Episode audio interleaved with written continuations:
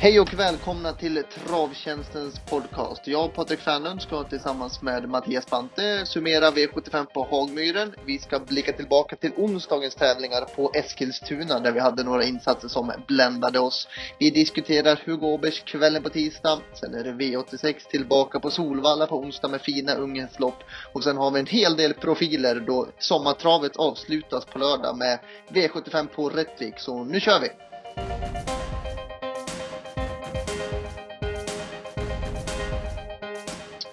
Ja, tjena Mattias, hur är läget? Jo, det är bra. Det är laddat för en ny vecka. Ny vecka, ny podcast. Det är härligt. Då börjar vi V75 1 där i lördags med Errol Bocco som fick spräcka segernollan och eh, ja, han gjorde det i alla fall med halva upploppet. Ja, han vann ju jättelätt och ja, vi var inne på honom och gav honom tipset där och sen Sen trodde man väl kanske inte att alla konkurrenter skulle galoppera bort och det skulle bli ett av de sämre klass 1-loppen på V7 någonsin. Men han såg väldigt fin ut i alla fall och det var väl huvudsaken det. Ja, han har gjort väldigt många fina insatser i tuffa ungas lopp tidigare och mött Aldente de här bästa. Så det är ett under egentligen att han aldrig har vunnit lopp. Men nu fick han göra det och det var nog inte sista segern i karriären. Nej, han lär nog inte göra bort sig i finalen heller. Nej, precis. Och ja, man vet aldrig. Det kanske blir något större ungdomslopp framöver här också. Bakom där, Queerfish tyckte vi värmde lite sisådär, lite tung i stilen. Det var väl okej, okay, men ja, så gick han ju bra efter galoppen, men det blev galopp direkt. Ja, och det, nej, han var ju som borta på en gång. Frågan om han blev lite generad där när Dan Edel hoppade. De, ja, hoppade som en grupp där från start och var borta direkt. Men ja, upphämtningen var ju bra så han lär ju vara bättre till nästa gång. Men såg ju som sagt lite tung ut innan. Ja, han hade helt stängt på sig så han såg nog kanske inte när eh, Daniel galopperade. Men han kanske kände på sig att det, att det var ett lite stressigt moment i starten och det blev galopp i båda springspårshästarna och men han gick ju bra efteråt. Är det något mer vi plockar med oss? Det var väl ett rätt så ihåligt lopp där. Ja, nej, det var, det var tunt bakom. Det var nej, ing, ingenting som jag ska lira nästa gång i alla fall. Nej, Global Revolver, Dan Edel och Queerfish galopperade direkt så. Då var det en straffspark för Errol Book och Ova Lindqvist. Han släppte till och med ledningen varvet kvar. Då är det illa. Ja, det är inte så vanligt att man gör på V7. Nej. Vidare till V75 2 där en ny idé av oss vann i alla fall. Efter ett varv var vi inte så kaxiga när Nikita Brolin hängde i tredje spår. Nej, vi trodde ju en hel del på henne, men skrev ju det i analysen att sport 12 med spårtrappa och så, det är ju inte bra, för det är ju ännu mer hästar som kan vara i vägen och det kan strula och ja, hon fick ju en blytung inledning, men ja, klart är man 100 meter bättre än alla andra, då gör det ju inget. Nej, det var en enorm insats och spårtrappan säger spår 13 nästan till bättre än 12 också, vilket, vilket är i ordningen också så att säga. Men nej, Nikita var ju helt ensam på plan och hon kommer väl vandra rakt upp i storeliten om hon fortsätter så här. Ja, nej, hon såg ju fantastiskt fin ut och 13 och 3 på det viset. Nej, hon, hon blir spännande att följa och ja, det eh, var, ja, det var ruskigt imponerande. Från Sandsund låg ju Pilström väldigt lågt innan. Det var ju lite foderbyte och sånt där. Men jag tyckte hon gick bra som tvåa och hon kommer säkert vara ännu bättre nästa gång när, när eh, ja, de har fått eh, ordning på fodret helt där så att säga. Mm. Vi varnade annars för Diggy Girl IH hade ju vi som fräck idé också som bortglömd. Hon fick ju också jättetung inledning och drog ju fram Nikita där ute i tredje så hon var ju bra som fyra så den ska nog passas till nästa gång. Favoriten Debra Bocco, det var en rätt så iskall favorit. Ja, alldeles för mycket sträckad och ja, hon var inget bra heller så att uh, nej, hon får visa mer innan jag ska köpa henne på V7. En häst jag noterade bakom som satt fast där bakom som var på väg att få lite lucka på bortalång. Det var Flirting Silvio som såg väldigt kaxig ut. Ja, jänkarvagn var ju på henne nu igen till den här starten. Det var väl den och Alva Garbo gick också bra tyckte jag. Så att det är väl de två kanske som såg bäst ut intrycksmässigt där bakom till slut. Men bakom, eller för vinnaren gick ingenting att göra åt. Nej. Och sen gulddivisionen, det blev det, ja, vad ska vi säga där? Det blev det både känslor och gasning där. Tjeckis Beck, Daniel Regén mot Democrat, Daniel Olsson. Det gick undan första fem.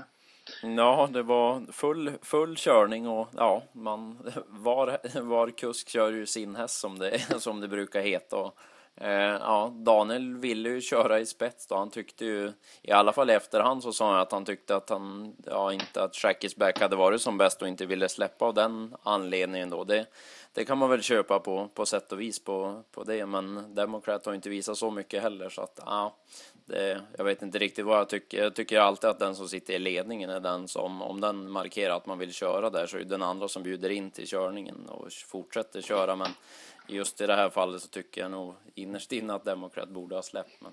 Ja, det, så är det väl att Daniel borde släppt. Men samtidigt så gnäller vi ofta också när det inte blir någon körning när man släpper till favoriten som får bestämma också. Så det är väldigt mycket från och till, fram och tillbaka det där så att säga. Men jag älskar när det blir känslor och så. Man såg ju både att Redén var rejält irriterad och Olsson svarade lite spydigt också. Så jag tycker det är kul när det hettar till lite. Det ska det göra. När det, det är ju sport det handlar om. Ja, men absolut. Nej, det är, det är kul, när det, kul när det händer något, för det, det är ju det man snackar om efteråt. Det, det var ju det roligaste loppet under dagen. Ja, det är inte så kul när den ena släpper till den andra och vice versa varje gång, utan det är härligt när det, när det körs. Det tycker jag är kul. Sen vad som var rätt och fel i det här fallet, det lägger jag ingen värdering vid. Men vann då? Eh, Traveling Man vann ju då, eh, trots att han fick gå bakifrån. Han är ju bäst i spets, men eh, Ja, det blev ju passande körning och han, han var ju riktigt bra också för han fick ju dra fram Quid Pro Quo där i tredje sen till slut. Men han, han vann säkert och det är ju verkligen toppform på honom. Ja, Redén sa ju det efter loppet. Han hade ingen aning om var Traveling Man satt. Men han kollade utåt i sista sväng och tänkte vem är det som kommer? Och så fruktansvärt fort då. Ja, han var ju glad när han såg att det var Traveling och som du sa spetsstatistiken är ju jättebra för han men bakifrån har han inte vunnit många lopp och nej, det var en eh, ruskig avslutning han gjorde för att Quidden, Quidden hade fullt K att hänga på där borta lång och han är ändå speedig. Ja, ja precis. Men ja, Quidden, vad tyckte du om han? Eh, han gjorde väl ett okej okay lopp, men för att vara helt nöjd då hade jag nog tyckt att han skulle ha vunnit trots allt, även om han blev hängande och fick backa sist och så. Men jag har rätt höga krav på Quidden så att eh, ja, han var absolut bra, men inte jättebra. Nej, jag ska starta på, eh, på lördag här igen såg jag. Och så vi tar väl med oss Harry Hayfrow. Ja, han blir ju bättre och bättre hela tiden. Han är ju världens seger snart. Han ser fin ut. Ja, han bör väl nästan bara vara nollor i raden i stort sett, men han är ju bättre än raden och satt ju fast nu lite märklig styrning. Både Haugstad och Olsson med blended scotch också. Varken någon av dem provade ju egentligen utan bara körde snällt med sina och det vart ju inte mycket hem tack vare det. De såg ju bra ut, både blended scotch och Harry, så att de hade nog kunnat gå lite tuffare. Ja, Harry har lite tur nu. Han har ju 145 startpoäng, men snart börjar det bli riktigt illa om man ska komma med på V75, för den här trenden får ju inte spricka. Det vore inget roligt. Nej, precis. Han får se till att springa in lite startpoäng nu på lördag och är väl en av flera som, som kan vinna där, så att det får vi kolla mera på. Ja, han skulle absolut kunna skrälla och han gillar ju Rättvik sen tidigare också. Mm. Vidare till V75 4, spets och slut. Rickard Svanstedt, Lass Nordstar och ja, jag skulle vilja säga att eh, både häst och kusk var värda den segern. Ja, verkligen. Och hästen såg ju jättefin ut också och vann lätt. Det är lite kul så där under loppet ändå. Man är inte helt säker på hur mycket det finns kvar så där när man får, han har, när han liksom har häst sida sida så där och det hörde man ju Rickard sa i intervjun också att eh, det, ja, han, man litar inte helt på honom alltid förrän man får se in på upploppet vad det är för dag liksom. Men sen gick han ifrån jättelätt och skönt att se segergest också, det gillar jag. Ja, sånt gillar vi och det var ju riktig jänkarvagn nu den här gången om man får säga så och han är ju lite skön flegmatisk där fram i ledningen och tänker det, det var väl en häst som jag inte trodde så mycket på men jag måste säga att eh, han var överraskande tapper faktiskt som trea efter en offensiv styrning av Erik. Ja, nej, den var bra som, som trea och sen uh, Spiceman var väl okej okay som fyra som vi uh, hade lite feeling för annars där. Men sen Editor Rapida tyckte vi såg dålig ut i Finland senast och var nära att hoppa i sista sväng där. Han hoppade ju nu in på upploppet också och såg ju inte jättekul ut den här gången heller så att den är ju inte i ordning för dagen. Här har en, en passas nästa gång som är stenklar i lämpligt lopp nästa gång. Det lät spännande. Pondus Apollo. Och gärna då med helstängt och barfota som det var nu i lördags. Ja, han såg oerhört fin ut som fastlås. Han studsade med dem in i mål där invändigt och den passar vi i, i stort sett alla sammanhang framöver. Det var en riktigt, riktigt fin insats. Ja. Vidare till V75 5. Favoriten Fjordjärven gjorde ett bra lopp som tvåa. Tangenhappa trea, men de kunde inte stå emot Solörsteg till slut där. Torbjörn Jansson fick eh, halvt bära in hästen till slut. Ja, han, eh, han var riktigt bra så Lörsteg. Man, eh, ja, både vi och många andra trodde att det skulle stå mellan Tangenhop och Fjordjärven, men den bakom som var lite sträckad men som, som är bra, det var ju Solörsteg och eh, Kenneth Larsson har ju verkligen en, en fin häst där som nu med Jan som bara, bara klev runt dem till slut. Han var väl på 23 och 2 tror jag det var. Ja, precis ja. Han var ju grymt bra gången innan på bollen så också när Kenneth körde själv och plusset nu var ju enormt så det var inte så oväntat. Nej, Eh, som sagt, de var ju bra, bra där bakom dem, Fjordjärven, Tangenhop, men eh, så Lörsteg var ytterligare lite bättre. Sen bakom vet jag inte, om var det något du tänkte på där? Nej, det var väl inte så mycket egentligen som jag tog med mig där, utan det var väl framförallt de första två. Jag tyckte Fjordjärven gjorde en bra insats och gick en bra tid och men Solörsteg var bättre och det är alltid kul att se när Jansson bär in de här kallbloden. Han är ju ruskigt skicklig med svåra hästar. Ja, verkligen. V75 6 och där fick vi väl se kanske dagens finaste häst för, eh, ja, Traveling Man i all ära men Nimbus CD det är i alla fall en god bit i min travkalender. Ja, om jag skulle mm, låta måla en tavla av en travhäst och sätta upp i vardagsrummet, då skulle jag nog kunna tänka mig att ha Nimbus CD på väggen, för han är jävligt läcker. Ja, det ser ut som det kommer en Crow ut och springer och vi trodde ju stenhårt på honom i V75-finalen på Färjestad där och då var inte favorit, men igår stod han eller i lördag stod han 1,34 odds, men ja, han bombade till ledningen och vann enkelt och Örjan var ju totalt lyrisk efteråt. Ja, verkligen. Och ja, det ska bli intressant. Det, det lät ju ifrån stallhåll så där när, när de intervjuade Emil Magnusson som att man kanske skulle matcha snällt och sådär. Men jag hoppas då få se honom i jubileumspokalen om några veckor för jag tror inte att han är borta där. Nej, det gör han absolut inte bort så Han är ju ruskigt, ruskigt startsnabb också så att ja, jag tror att han skulle mycket väl kunna räcka i en jubileumspokal och han ser ju enormt bra ut. Vilket driv det är i hästen alltså. Ja, nej, han är grymt häftig så att eh, nej, det ska bli kul att se vad de väljer där, om det blir jubileumspokalen eller inte. Ja, det var några som satt fast bakom, men vi, ja, vi tycker vi inriktar oss mest på Nimbus. Ja, en liten tapperhetsmedalj till i Tåleryd kanske som höll bra får man lov att säga. Ja, han kördes ju offensivt och tog döden så får man ju, nej, han var, han var bra bakom, övrigt kanske inte var jättemycket. Nej. Och så vidare till V75 7 där eh, MT Insider, kan det vara en av Sveriges topp fem startsnabbaste hästar tror du? Ja, han är ju ruskigt kvick, särskilt efter 50 i alla fall. Han, eh, när det liksom, Olle brukar ju säga det, att han, han får sköta sig lite själv bara första steget, men sen då jäklar går det undan. Och Eh, han spetsade där, men släppte ju då till Listas Rafiki som öppnade. Han, han är ju bra ut Listas Rafiki, men han öppnade ju ytterligare lite förbättrat nu och kunde få spets. Så det var en skön vinnare för oss på dubben. Ja, vi vann ju på dubben där och han vann ju i, ja, enkel stil får man lov att säga. Så först tog ju Rickard en, eh, ja, kusk och tränarseger och sen ville inte Anders ha sämre så han satte dit Listas Rafiki som Jorma körde och Nej, han var jättefin och sen får vi ge tapperhetsmedalj till Nine Points Lucy som gjorde ett mycket bra lopp på Tingstan av Wallackerna från utvändig position.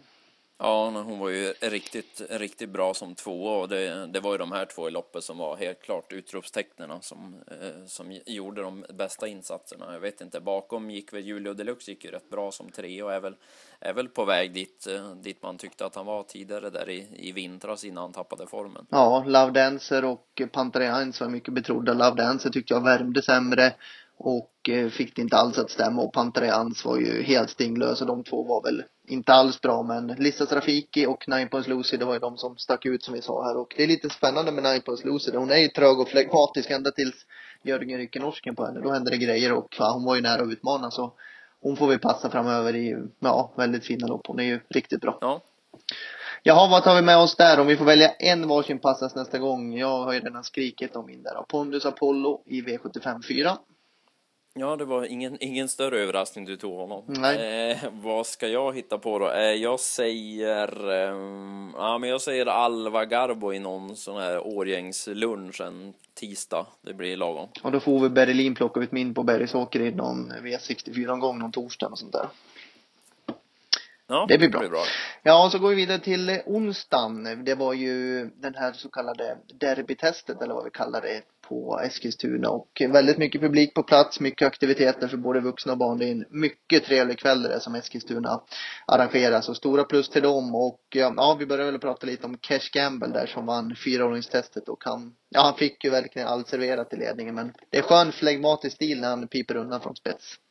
Ja, det är ju det. Han är ju jättefin och eh, ja, det, det är väl mångas favorit till, till derbyt som det ser ut nu. Och han, som sagt, han, han fick ju verkligen styra och ställa som han ville den här gången sedan Örjan släppte med, med all denter. Och eh, det blev väl i ärlighetens namn inte så mycket till lopp just, just den här onsdagen, men han, han såg ju såg ju fin ut och som sagt det är ju derbyt som blir nästa stora mål för honom då får man se om, om han infriar favoritskapet där eller inte. Vad, vad tror du om det?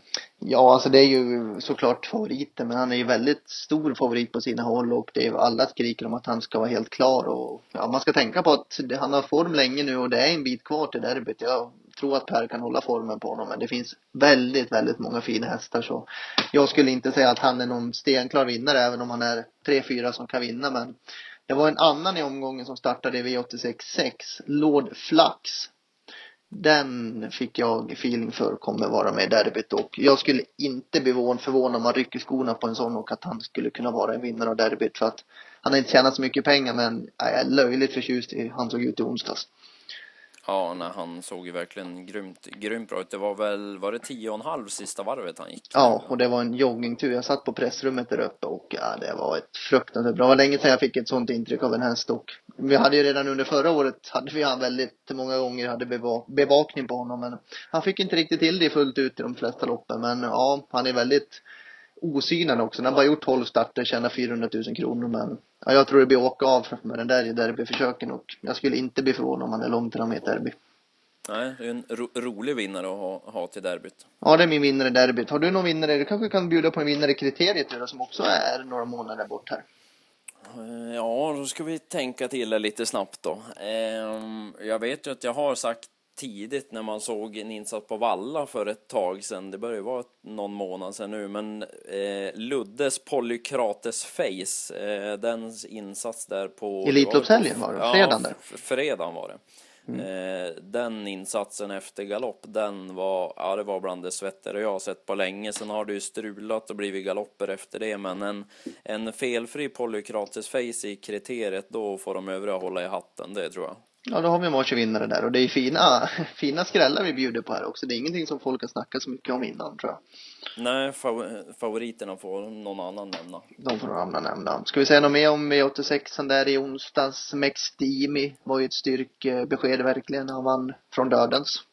Ja, när han var jättebra och egentligen var det väl, det var väl egentligen alla vinnare på V86 den här kvällen var ju jättebra. Det, det var en väldigt bra tävlingsdag, inte bara för publiken och så, utan även sportsligt så var det ju väldigt bra klass på loppen, så att det var kul. Ja, absolut. Så blickar vi framåt. På tisdag har vi en riktig höjdpunkt. Då är det ju Hugo Åbergs på Jägersro och ja, det är alltid som sagt en riktig höjdpunkt. Ja, är det det är en grym, grym kväll. Tyvärr kommer man inte vara på plats i år då. Var det på platsen några av åren på slutet. Hade gärna varit där nu för eh, ja, Elitloppsfinalen är alltid bra men Hugo Åbergs i år den är nog bättre. Ja och det är fantastiska lopp runt omkring också. Den där atmosfären som brukar vara när det är Hugo Åbergs och solen är på väg ner där. Vi hoppas på att det blir bra väder för då kommer det bli stor publik och ja som du säger loppet håller ju ruskigt bra klass och Jennifer Tillman och Royal Fighter blir nog i favoritposition. Ja, det ser ut som att de, som att de blir det och det blir ju intressant att se om de kan hålla spets där och eh, hur, hur loppet blir kört sedan. Är det, vem, vem har du mest feeling för så här på förhand?